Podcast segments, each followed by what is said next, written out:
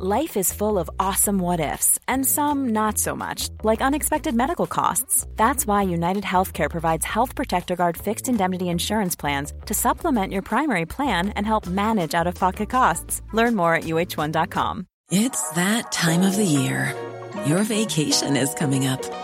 You can already hear the beach waves, feel the warm breeze, relax, and think about work. You really, really want it all to work out while you're away. Monday.com gives you and the team that peace of mind. When all work is on one platform and everyone's in sync, things just flow wherever you are. Tap the banner to go to Monday.com. There's never been a faster or easier way to start your weight loss journey than with PlushCare. PlushCare accepts most insurance plans and gives you online access to board-certified physicians who can prescribe FDA-approved weight loss medications like Wigovi and Zepbound for those who qualify.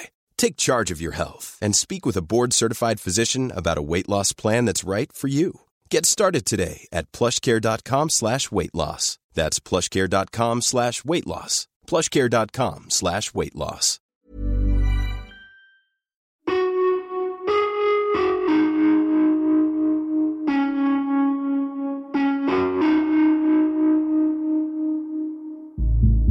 Jag skäms för det. Nu närmar vi oss hela det här fallets kärna. Ja, det, det man kan tänka är väl i primärt att det här är ett, ett slags justitiemord. Um, som jag skäms över att i den mån jag var det, vilket inte var medvetet, men ändå var medskyldig till.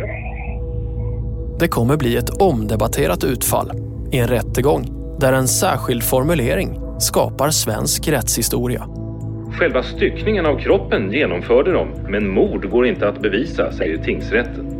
För de två männen kommer att bli friade samtidigt som de räknas som skyldiga. Får man vara så här jävla korkad? Det här är Spår. Fallet Katrin da Costa. Avsnitt 5, Paradoxen. Med Martin Jonsson och Anton Berg. Den här säsongen har vi också arbetat med Maria Hansson Potin som reporter.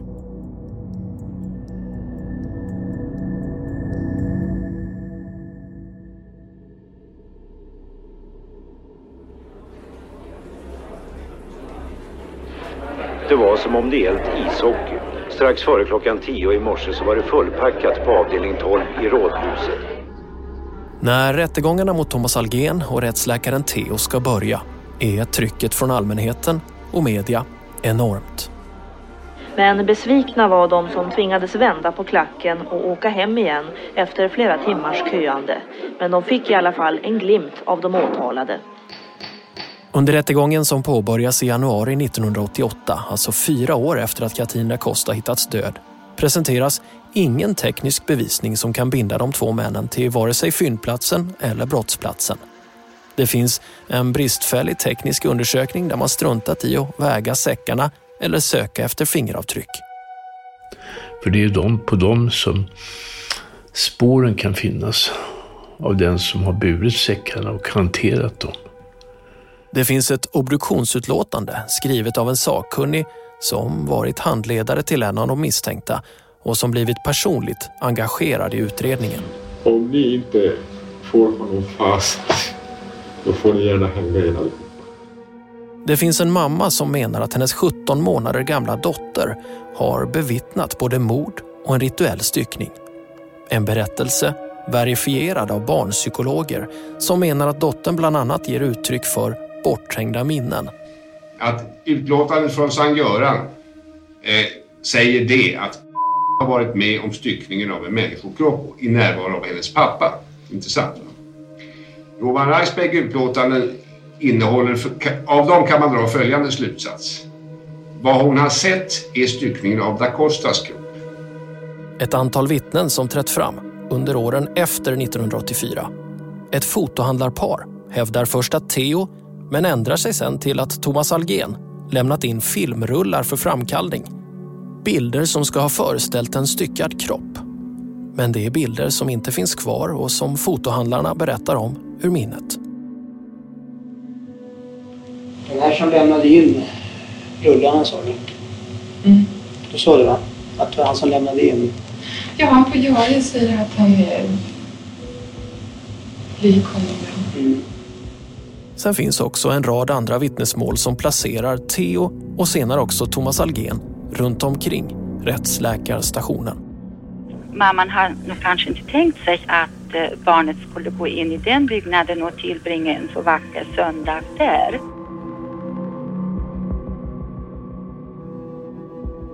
Den 8 mars 1988 skriver tingsrätten i ett utlåtande citat Tingsrätten finner att övertygande bevisning föreligger att Lars Thomas Algen och har gjort sig skyldiga till mord.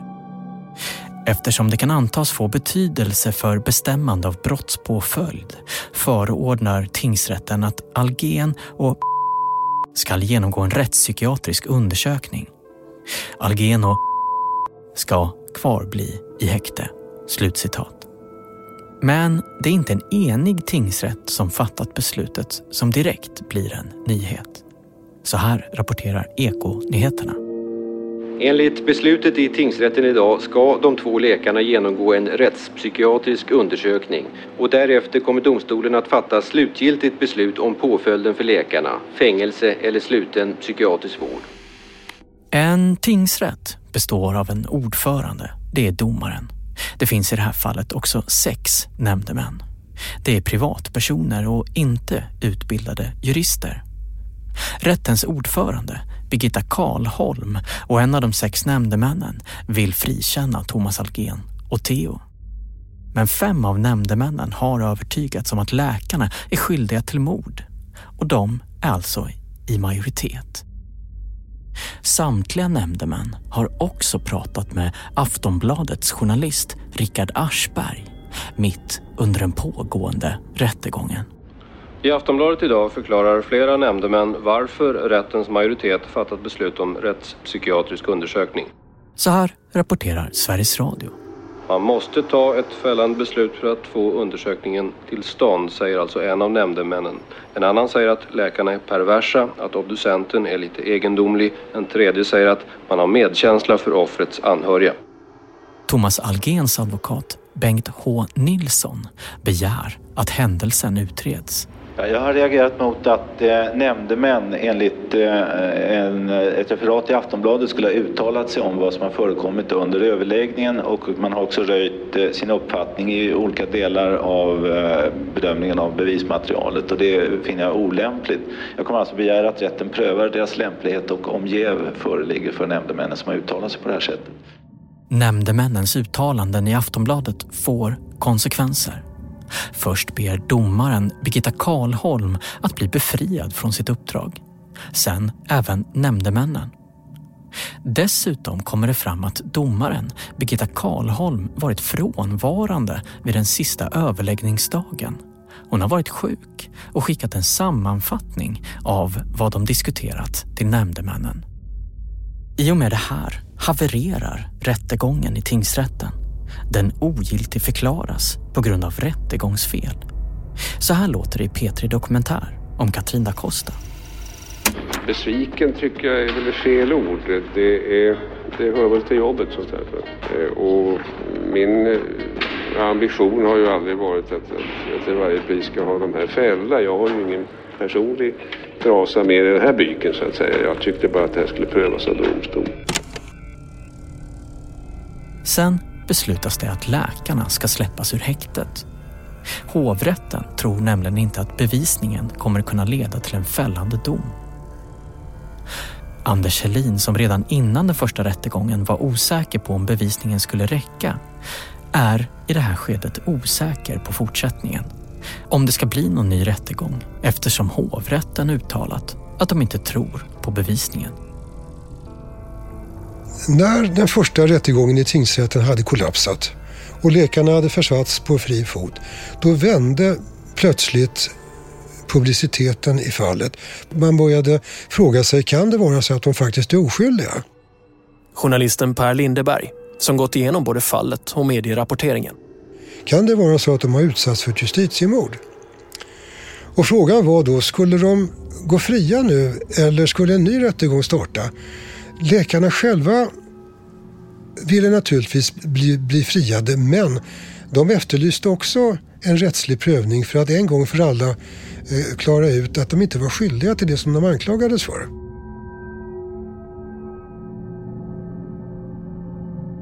I den så kallade slasken, där allt som åklagaren bedömer irrelevant för fallet hamnar, där hittas spår till och med att Anders Helin, åklagaren själv, nu tvivlar.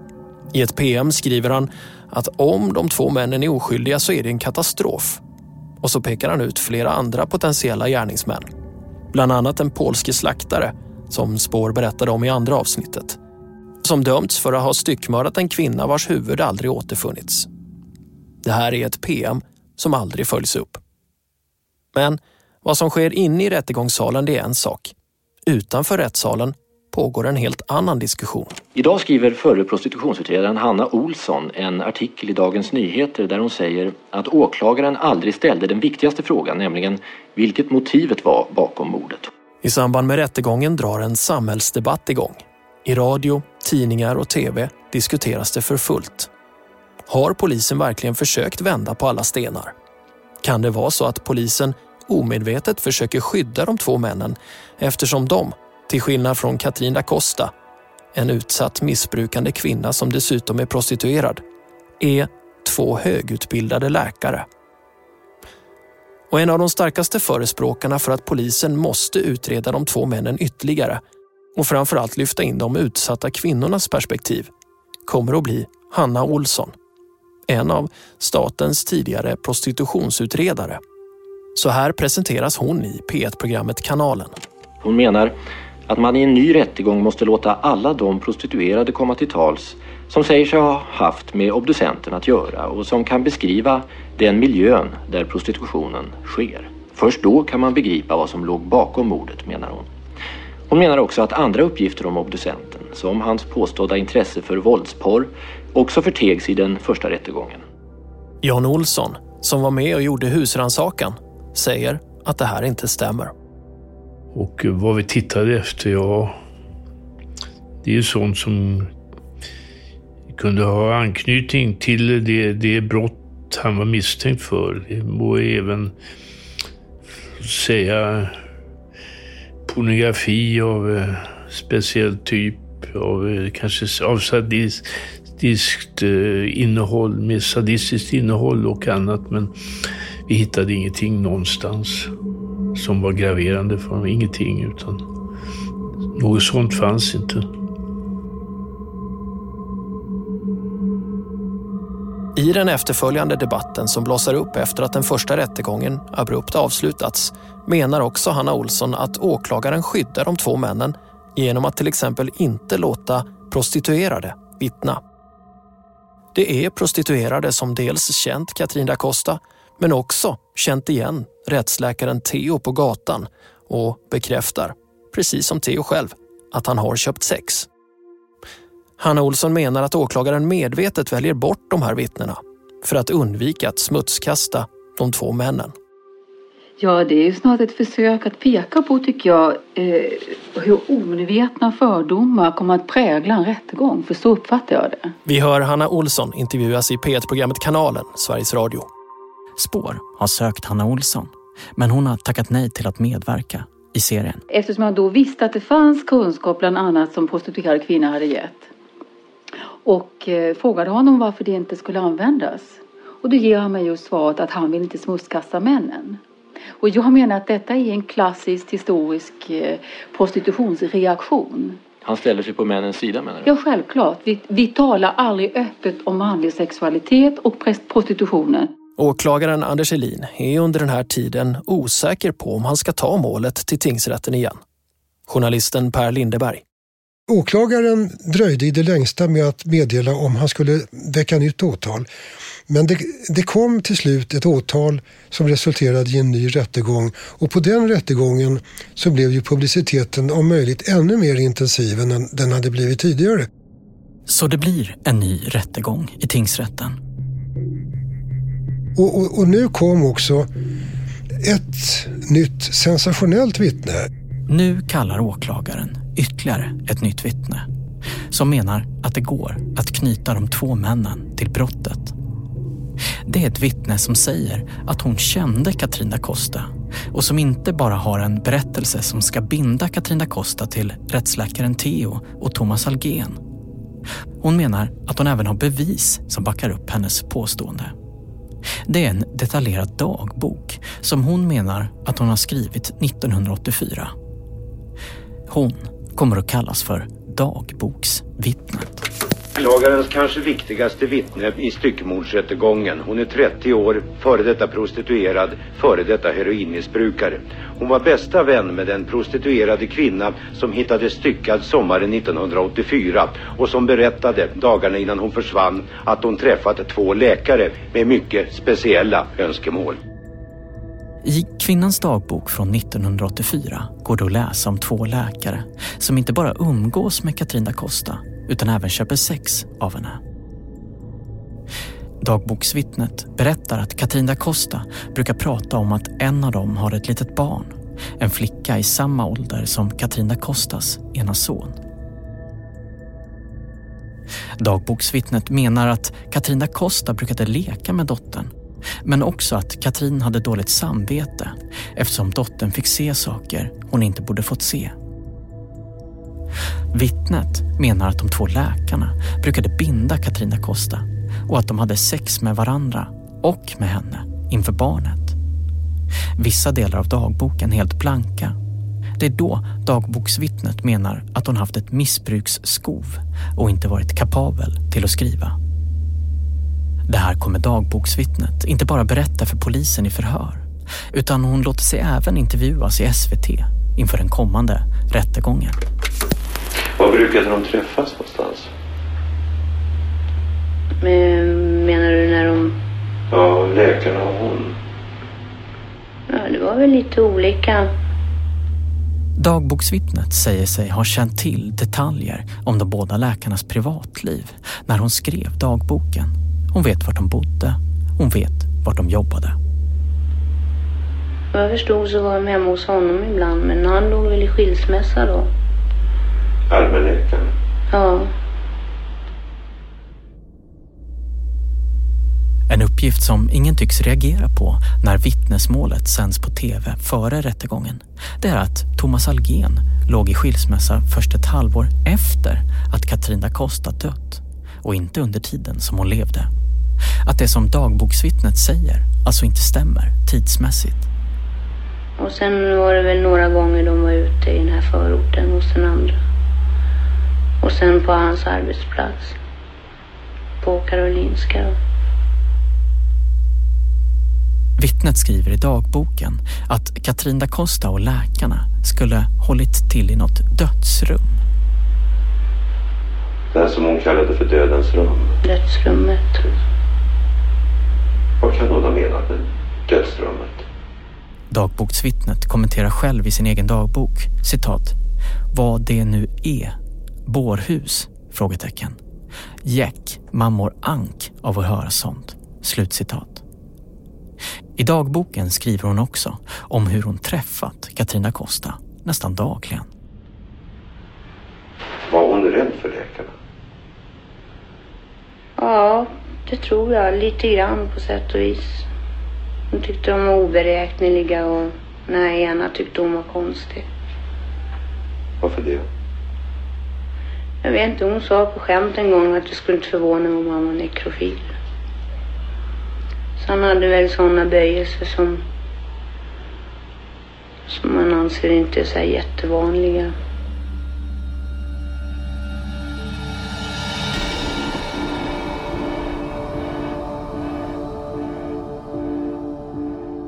Men det ska sen visa sig, långt senare, att de uppgifter som nu presenteras inte alls stämmer med polisens egna utredning. Det upptäcker Per Lindeberg. Och den här vittnets dagböcker, de läste hon högt ur inför rätta. Och, och, var det någonting som övertygade både rätten tydligen och de som satt i rättssalen och allmänheten och journalisterna om att eh, det brott som läkarna begått inte bara var fasansfullt utan verkligen mycket reellt och de var skyldiga. Det, det befästes ju med full säkerhet. För Katrina Kostas sista veckor i livet är noggrant kartlagda utifrån en mängd olika vittnesuppgifter. Uppgifter polisen samlat in efter att de identifierat henne i augusti 1984. På så sätt går det att metodiskt faktakolla vittnets dagbok och jämföra det som står skrivet där med vad som redan är fastställt av polisen. Enligt vittnets dagboksanteckningar för juni 1984 ska Katrin da Costa ha sovit över hemma hos vittnet flera nätter. Nätter som polisen redan har uppgifter om att Katrin sovit på andra ställen. Exempelvis en natt då Katrin da Costa ska ha sovit över hos dagboksvittnet och tidigt på morgonen gått iväg för att träffa Thomas Algen och hans dotter ute i solen. Ja, då motsägs det här av samstämmiga uppgifter från flera olika personer. Dagboksvittnet är inte ens ett nytt vittne. Hon har i själva verket hörts i utredningen tidigare, flera gånger dessutom. Och då har hon själv berättat helt andra saker som inte alls stämmer överens med de uppgifter som hon nu framför. När kvinnan förhörs första gången i augusti 1984 är det för att hon själv ber om ett förhör. Den som förhör henne då, 1984, är polisen Pim Martinsson. Och när dagboksvittnet dyker upp i utredningen och i media 1988 har det gått tre år sedan han senast var inblandad i utredningen. Då, 1984, säger vittnet i förhör att hon var bekant med Katrina Costa. 1988 beskrivs hon som Katrins bästa vän. Sen ser jag, det, ser jag skriverierna och radioreportagen om ärendet 88, hur dagboksvittnet dyker upp. Så här berättar Pim Martinsson själv under en av alla rättegångar som sen kom att följa på denna. För även han tror, 1988, att det är ett helt nytt avgörande vittne som klivit fram. Eftersom det är så dagboksvittnet beskrivs i media. Pim kopplar inte alls ihop henne med den person som han redan har förhört. Och jag tror jag sett ett helt, helt nytt vittne. Jag, ingen har jag kunde reflektera att det är någon som jag själv har förhört. Och skulle så vara fallet så, så, så förutsätter man ju att jag skulle kontaktas.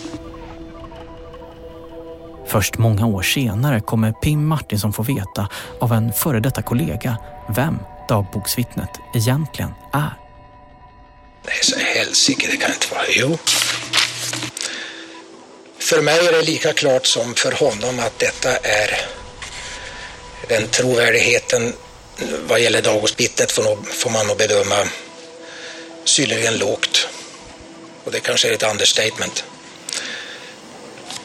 Det, det är väl så det snuddar till falsarium, men Anders Elin som idag inte är i livet och kan svara på våra frågor kring hur han resonerade lät, trots dessa motstridigheter, dagboksvittnet läsa högt ur sin dagbok inför en fullsatt rättssal i juni 1988. Hon berättade andra hemskheter, bland annat om läkarna hon berättat om på KS förut. Nu är jag glad att jag inte tog hans name och number. Han och hans polare verkar helt wacko. Ruskprickar och eventuella nekrofiler, men kanske skojade hon om det, vet ej. Därför att hon sa så här att det skulle inte förvåna om den ena var nekrofil.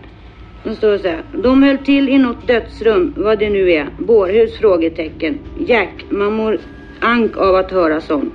Se så hos mig. Nu uppstår alltså en situation där Anders Helin presenterar vittnesmålet för domstolen, vilket gör att rätten utgår ifrån att dagboksvittnet är inte bara trovärdigt utan också tillförlitligt. För rättens ordförande eller dess nämndemän går aldrig in i ett förundersökningsprotokoll för att bedöma trovärdighet och tillförlitlighet hos ett vittne som åklagaren presenterat. Den uppgiften skulle däremot Thomas Algen och rättsläkaren Theos advokater haft. Det förklarar Ingegärd Westlander, en av rättens två ordförande under en senare rättegång. Utan där har man ju då åklagaren som ska ha grundat eh, sitt åtal på vad som står i förundersökningen och han måste ju då kunna förundersökningen. Och sen under, eh, eh under förundersökningens förlopp och framåt då, är, då hålls ju försvararna underrättade och är med på förhören. Och är det någonting som då verkar konstigt så är det ju försvararna som vill, kan påkalla ytterligare förhör och, och få saker och ting utredda.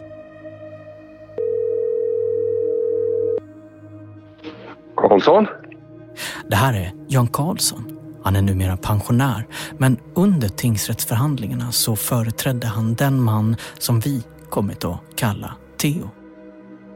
Alltså det fanns egentligen inte ett enda vittnesmål som var hållbart att bygga en dom på. Jag kan inte minnas någon som var liksom ett bra vittne för åklagaren egentligen. Om man liksom tittade på det lite seriöst. Och det, de bara struntar i det. De bara struntar i det.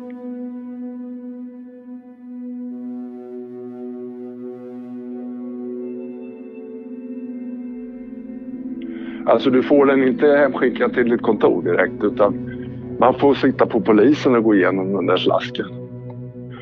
Och eh, det gjorde jag. Eh, sen kan man aldrig vara riktigt hundra på att man får del av allt material när man går upp eh, hos, polisen. Va? För att vissa utredningsenheterna de har egna slaskar och kriminaltekniska har sin slask och det läggs inte ihop. Jag har nog inget direkt minne av att jag såg den där alltså dagboken och den här väninnan i eh, slasken. Det kanske jag gjorde men jag kommer inte ihåg det faktiskt. Det, inte. Det höll ju på så hela tiden. Alla vittnesmål hade på, på något sätt några sådana här konstiga historier. Va? Och ändå så hamnar man där. Liksom. Ändå hamnar man i, i liksom styckningen. Det, är, det är för mig helt obegripligt. Det är helt obegripligt. Hej, jag Ryan Reynolds. På Mint Mobile, we like to do the opposite of what Big Wireless does. They charge you a lot, we charge you a little. So naturally, when they announced they'd be raising their prices due to inflation, we decided to deflate our prices due to not hating you. That's right. We're cutting the price of Mint Unlimited from $30 a month to just $15 a month. Give it a try at mintmobile.com slash switch. $45 upfront for three months plus taxes and fees. Promo for new customers for limited time. Unlimited more than 40 gigabytes per month. Slows. Full terms at mintmobile.com.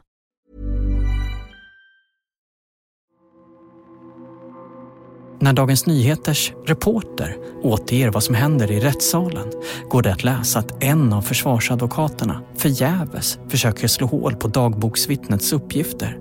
Men att hennes utsaga inför rätta var citat logisk och glasklar. Slutcitat. Berättade då Katrin om det här dödsrummet som hon sa? Mm. Men hon berättade inte ingående om det för hon bytte samtalsämne när vi...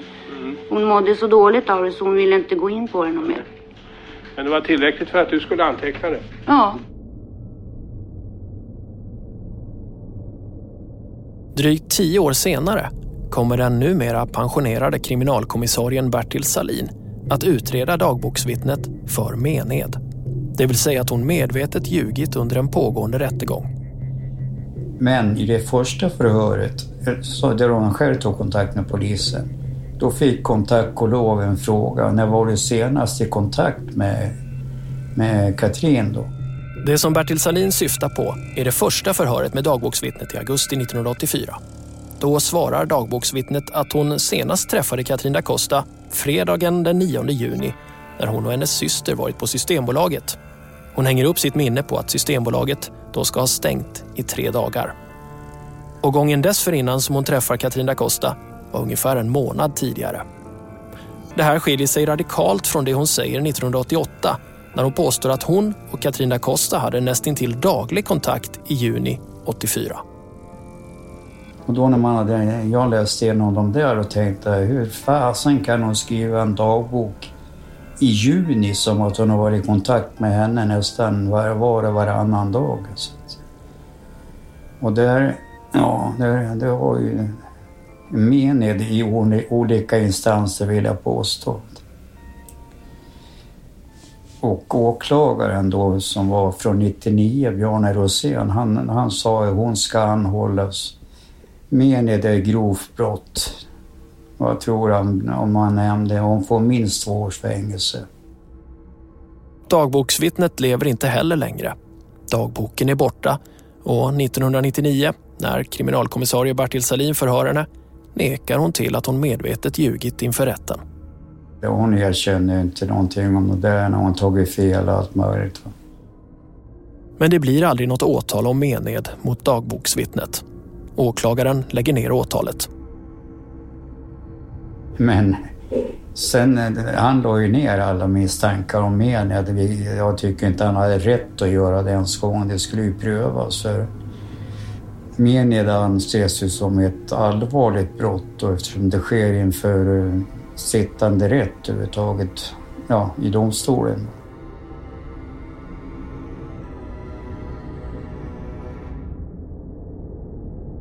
Men vi backar till juni 1988 igen. Intresset för rättegången är även denna gång enormt stort. Man måste införa ett kösystem för alla de som vill följa rättegången på plats. Domaren Ingegärd Westlander igen. Men det ordnades i rättssalen, kommer jag ihåg, stora videoskärmar för det var så fullt med folk så att de som inte hade kunde se vittnena eller rättens ledamöter eller eh, andra agerande, de skulle kunna på skär, tv-skärmar se det. Så det var ett väldigt tryck. Och nu, under den här nya rättegången, har det också blivit fokus på motivbilden bakom mordet. Något som också debatterats i media. Nu menar åklagaren Anders Alin att den typen av filmer som framförallt rättsläkaren Theo tittat på spelar stor roll när det kommer till hans kvinnosyn och vad han teoretiskt sett skulle vara kapabel till att göra med kvinnor. En fredagsmorgon i juni 1988, när rättegången pågått under några veckor, är gardinerna fördragna i säkerhetssalen i Stockholms tingsrätt. Tre tv-apparater står uppställda framför rättens ledamöter och en framför åhörarna. Där visar åklagaren utdrag ur filmerna New York Ripper och House by the Cemetery. Are you all there? That's me, Lieutenant Williams. Speaking. What do you want? To dedicate a murder to you. Sacrifice a woman exclusively for you. Rätten reagerade väl med, med betydande obehag, kan man väl säga. Det här är Jon Henry Holmberg, en av de nya nämndemännen som tillsatts i den här andra tingsrättsförhandlingen. Men det tror jag inte direkt riktades mot de åtalade. Det var väl filmen man tyckte var obehaglig. When you move to this house, before you get locked in, read the fine print. Filmerna som visas under rättegången är filmer som rättsläkaren och hans sambo sett på tillsammans. Och i en anteckningsbok med titeln Video som beslagtagits från deras gemensamma hem har de gett båda filmerna New York Ripper och House by the Cemetery höga betyg. Åklagaren beskriver i tingsrätten att våldet i filmerna rättsläkaren och hans sambo sett innehåller samma typ av våld som det Katrin da Costa utsattes för. Den typen av bevisföring eh, är ju egentligen enbart till för att påverka rätten emotionellt eh, och bör därför, tycker jag, generellt ogillas. Det är inte relevant att man ska tycka att en åtalad har äcklig eller eh, ociviliserad smak. Utan frågan är vad den har gjort. Den dåvarande nämndemannen Jon Henry Holmberg. Han råkar också vara filmentusiast, även om han inte gillar just skräckfilmer. Dessutom så frågade jag en, en god vän då eh, vad han ansåg om just den här filmen och de andra som nämndes i, i materialet. Och han hade allihop. Han var journalist på Hemmets Journal och han tyckte inte att det var något märkvärdigt att ha de filmerna. Han hade mycket värre. Efter avslutade förhandlingar pågår diskussionerna i flera dagar mellan rättens ledamöter. Ordföranden, Ingegerd Westlander, berättar senare i en annan rättegång om resonemanget som fördes. Nu skulle vi eh, skriva en dom så att de som var så vansinnigt intresserade av det här målet, de skulle få svar på sina frågor.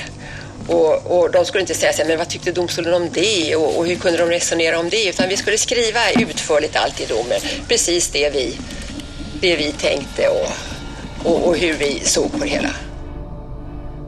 Tingsrättens dom sommaren 1988, efter den andra tingsrättsförhandlingen, kommer att bli mycket omdebatterad. Inte bara för den slutsats rätten kommer till i skuldfrågan, utan även för vad som sen kommer att formuleras i de så kallade domskälen det vill säga där rättens ledamöter resonerar kring sina slutsatser. En sak som satt sina spår i Jon Henry Holmberg. Jag skäms för det. Vad tänker du om det här idag? Ja, det, det man kan tänka är väl primärt att det här är ett, ett slags justitiemord. Um, som jag skäms över att i den mån jag var det, vilket inte var medvetet, men ändå var medskyldig till. Varför blev det så?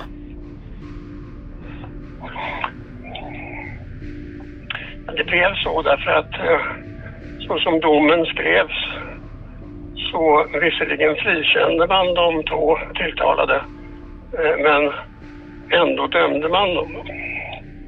Och det är det här som är fallets kärna.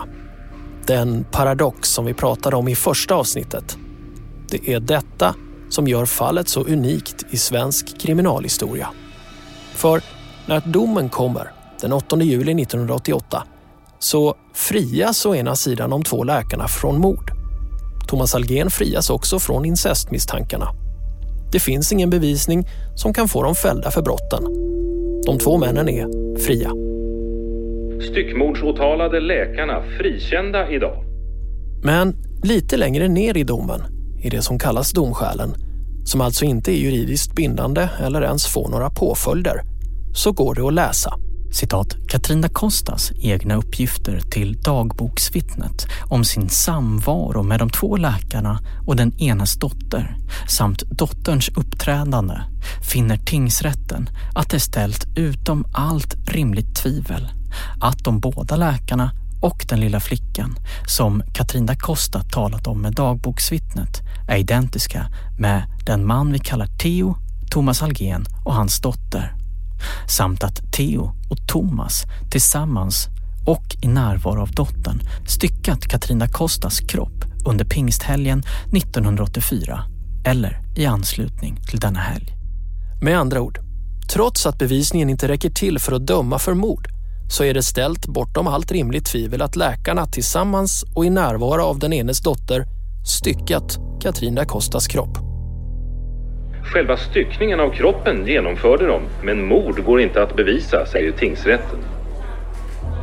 Jon Henry Holmberg, dåvarande nämndeman, igen. Och att sen det här med styckningen fördes in i domen. Alltså jag har inget minne av att det diskuterades och fattades något beslut om. Men jag ska ju inte, eh, inte entydigt hävda att det inte kan ha varit fallet på något sätt som jag har missat eller inte alls begripit implikationen av. Ja, jag kan ju inte annat än, än tycka att det är eh, djupt beklagligt och dessutom ganska oanständigt på något sätt. Men är man övertygad om att de har begått ett mord så ska man döma dem för ett mord. I det här fallet så var det omöjligt eftersom det inte finns några bevis för det. Det finns ju inte heller några bevis för denna styckning. Så å ena sidan säger rätten att det inte går att döma läkarna för mord. Det finns ingen bevisning som styrker de misstankarna. Och vittnena som skulle binda de två männen till mordet är inte tillräckligt trovärdiga för att det ska vara bortom allt rimligt tvivel. Men å andra sidan skriver rätten i domskälen att rättsläkaren Theo och Thomas Algen är skyldiga till styckningen på grund av samma vittnen som man alltså nyss underkänt. Styckningen av Katrin da Costa, som klassas som ett brott mot griftefriden, har i juli 1988 blivit preskriberat sedan två år tillbaka. Vilket då omöjliggör att de skulle kunna dömas eller frias för brottet. De har inte heller blivit åtalade för det som de nu, enligt domskälet, utfört. Det står också att uttalandet om styckningen är baserat på fotohandlarnas, dagboksvittnet och barnets uppgifter. Jag läste den, jag tror, som jag minns det så blev jag förvånad över den här skrivningen. Jon Henry Holmberg fick liksom övriga nämndemän några dagar på sig att läsa igenom domen när den skrivits. Men eftersom det centrala var frikännandet så gjorde jag ingenting mer åt det och det borde jag naturligtvis ha gjort. Jag borde ha insett vad det skulle leda till offentligt. Men det erkänner jag att jag inte begrep. Alltså, jag var för dum för det. För de raderna i domskälen kommer att forma resten av läkarnas liv. Det innebär nämligen att de båda läkarna i allmänhetens, mediernas och andra myndigheters ögon är skyldiga. Och dessutom har de ingen chans att få det prövat. För skrivningar i domskäl går inte att överklaga. Thomas Algen lever än idag med det här domskälet. Jag tänkte, får man vara så här jävla korkad? Får man vara så här jävla korkad? För det här går ju aldrig att överklaga. Nej, nej, nej, nej, nej, nej. Nej, det är ju ingen dom. Det är bara ett uttalande.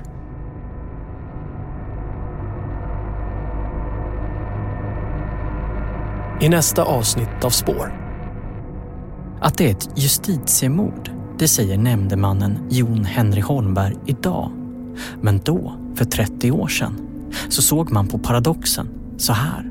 Har man styckat en kropp på det här sättet så de har bevisligen mördat henne också. Var skulle de annars få tag i kroppen? Det är absurt. Jag tror att ja, faktiskt gemene man tycker att det här är en helt absurd rättegång. Och nu agerar Socialstyrelsen för att få de två läkarna avstängda.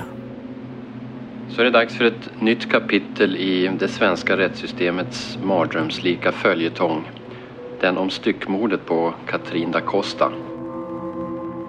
På något sätt så är ju det här en illustration av i princip allting som kan gå fel under en brottsutredning. Spår görs av Anton Berg och Martin Jonsson. Researcher och reporter är Maria Hansson Botin. Exekutiv producent på Third Ear Studio är Anna Åkerlund. Spår är ett samarbete mellan Acast, A1 Produktion och Third Ear Studio. Arkivljuden är hämtade från Sveriges Radios ekoredaktion, SVTs Rapport, Aktuellt, ABC och Kanalen. Tack för att ni lyssnar och följ oss gärna på sociala medier för senaste nytt om spår.